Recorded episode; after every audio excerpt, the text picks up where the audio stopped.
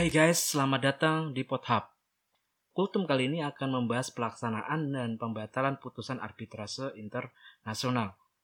Tapi saya akan fokuskan pada konvensi New York tahun 1958. Jadi, simak baik-baik ya. Keep calm and go on.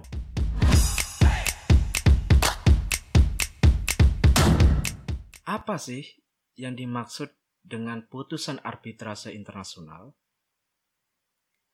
Definisi dari putusan arbitrase internasional itu bisa dilihat, kalian lihat pada pasal 1 ayat 1 Konvensi New York tahun 1958.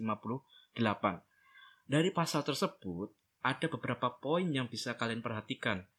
Yang pertama itu syarat utama satu putusan arbitrase dikatakan sebagai putusan arbitral internasional yaitu putusan arbitrase dibuat di luar negara dari negara yang diminta pengakuan dan eksekusi.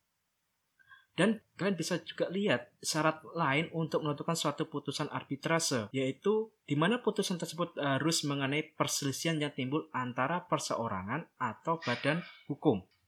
Yang perlu digarisbawahi bahwa faktor perbedaan keluarga negaraan itu tidak mutlak di sini. Di samping itu, kalau kita lihat pasal 1 ayat 2 Konvensi New York 1958 itu ya, jadi putusan-putusan itu tidak hanya dijatuhkan oleh badan arbitrase ad hoc saja, tetapi juga arbitrase permanen atau yang lazim disebut sebagai arbitrase institusional.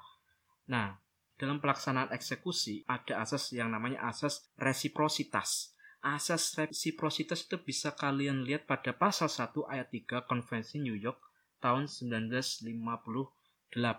Berdasarkan pasal tersebut, kalian bisa menyimpulkan bahwa penerapan pengakuan dan pelaksanaan eksekusi putusan arbitrasi internasional dalam satu negara itu atas permintaan dari negara lain hanya dapat diterapkan apabila antara negara yang bersangkutan telah ada lebih dulu hubungan ikatan bilateral atau multilateral. Nah, ini yang menarik karena negara peserta konvensi dapat menolak pengakuan dan pelaksanaan eksekusi putusan arbitrasi internasional yang dimintakan suatu negara. Nah, apabila negara yang meminta tadi tidak memiliki hubungan bilateral dengan negara yang diminta, maka konvensi itu tidak dapat dipaksakan secara unilateral. Makanya, penerapan asas resiprositas harus secara tegas dinyatakan suatu negara pada saat negara yang bersangkutan melakukan ratifikasi. Itu bisa kalian lihat di pasal 1 ayat 3 Konvensi New York 1958. Pada saat suatu negara tidak mencantumkan asas tersebut pada pada waktu ratifikasi, maka dianggap mengakui dan melaksanakan putusan arbitrase internasional secara unilateral. Sedangkan Indonesia sendiri dalam konteks Indonesia ya, secara mutlak mempertahankan asas resiprositas tadi. Ini bisa kalian lihat eh, eksistensi asas ini di Kepres nomor 34 tahun 1981. Yang perlu kalian ingat juga bahwa pengakuan dan pelaksanaan putusan arbitrase internasional itu tidak meliputi semua bidang persengketaan hukum.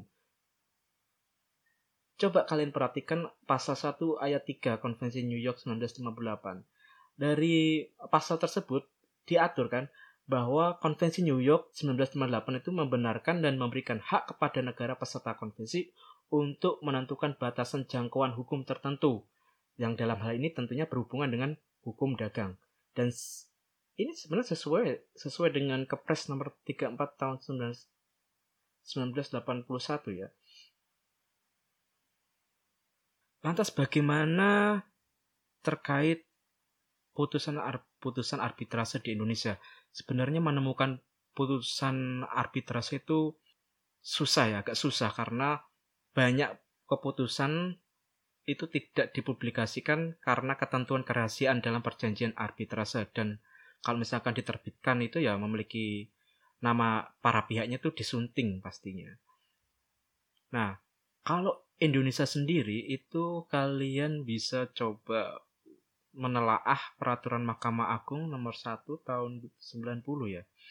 Itu sudah mengatur mengenai pelaksanaan putusan arbitrase asing di Indonesia. Nah, aturan tersebut memberi peran besar bagi ketua pengadilan negeri untuk memeriksa apakah putusan arbitrase dapat ditolak atau dilaksanakan di Indonesia. Dasar penolakan juga bisa kalian lihat dalam Undang-Undang Arbitrase, terutama Kepres nomor 34 tahun 81. Sebenarnya dalam terkait hal ini ya, ada beberapa kelemahan, kelemahan mas masalah putusan arbitrase juga ini terkait putusan arbitrase kalau di Indonesia ya itu pasal 67 ayat 1 Undang-Undang Arbitrase tentang pendaftaran dan penyerahan putusan arbitrase oleh arbitror atau kuasanya. Sebenarnya pelaksanaan pasal ini tuh agak agak aneh gitu. Karena arbitrator yang tidak punya kepentingan itu ya harus mendaftarkan putusannya sendiri ke pengadilan. Pada prakteknya ya yang si pemenang itu yang memohonkan eksekusi itu yang kemudian mendaftarkan tadi masalah pelaksanaan putusan ya. Nah, bagaimana dengan pembatalan putusan arbitrase? Bukannya sifatnya itu final dan mengikat. Pembatalan putusan arbitrase dapat diartikan sebagai upaya hukum yang diberikan kepada para pihak yang bersengketa untuk meminta kepada pengadilan negeri agar suatu putusan arbitrase dibatalkan, baik terhadap sebagian maupun seluruh isi putusan. Oleh karena itu, makanya dalam proses pembatalan putusan arbitrase itu pengadilan tidak berwenang untuk memeriksa pokok perkara.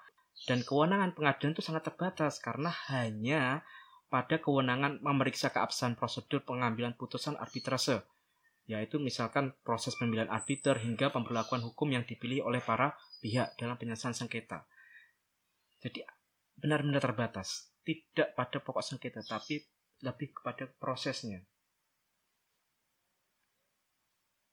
Sebenarnya pembatal pembatalan putusan itu menunjukkan bahwa putusan arbitrase itu tidak kebal. Dalam artian tidak kebal terhadap kontrol atau pengawasan oleh pengadilan. Justru untuk menjaga kualitasnya, pada akhirnya arbitrase dapat berkembang itu karena membutuhkan kontrol pengadilan. Nah, itu sebabnya pembatalan suatu putusan arbitrase ya dianggap sebagai upaya hukum yang biasa yang berlaku secara universal.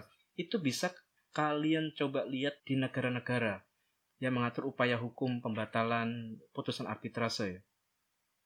Meskipun ada beberapa istilah yang berbeda-beda. Misal di Amerika Serikat itu menggunakan istilah vacating the award atau peniadaan putusan. Di Prancis itu ada juga istilah pembatasa, pembatalan yaitu annulment. Terus beberapa negara mungkin ada yang namanya setting aside atau pengesampingan.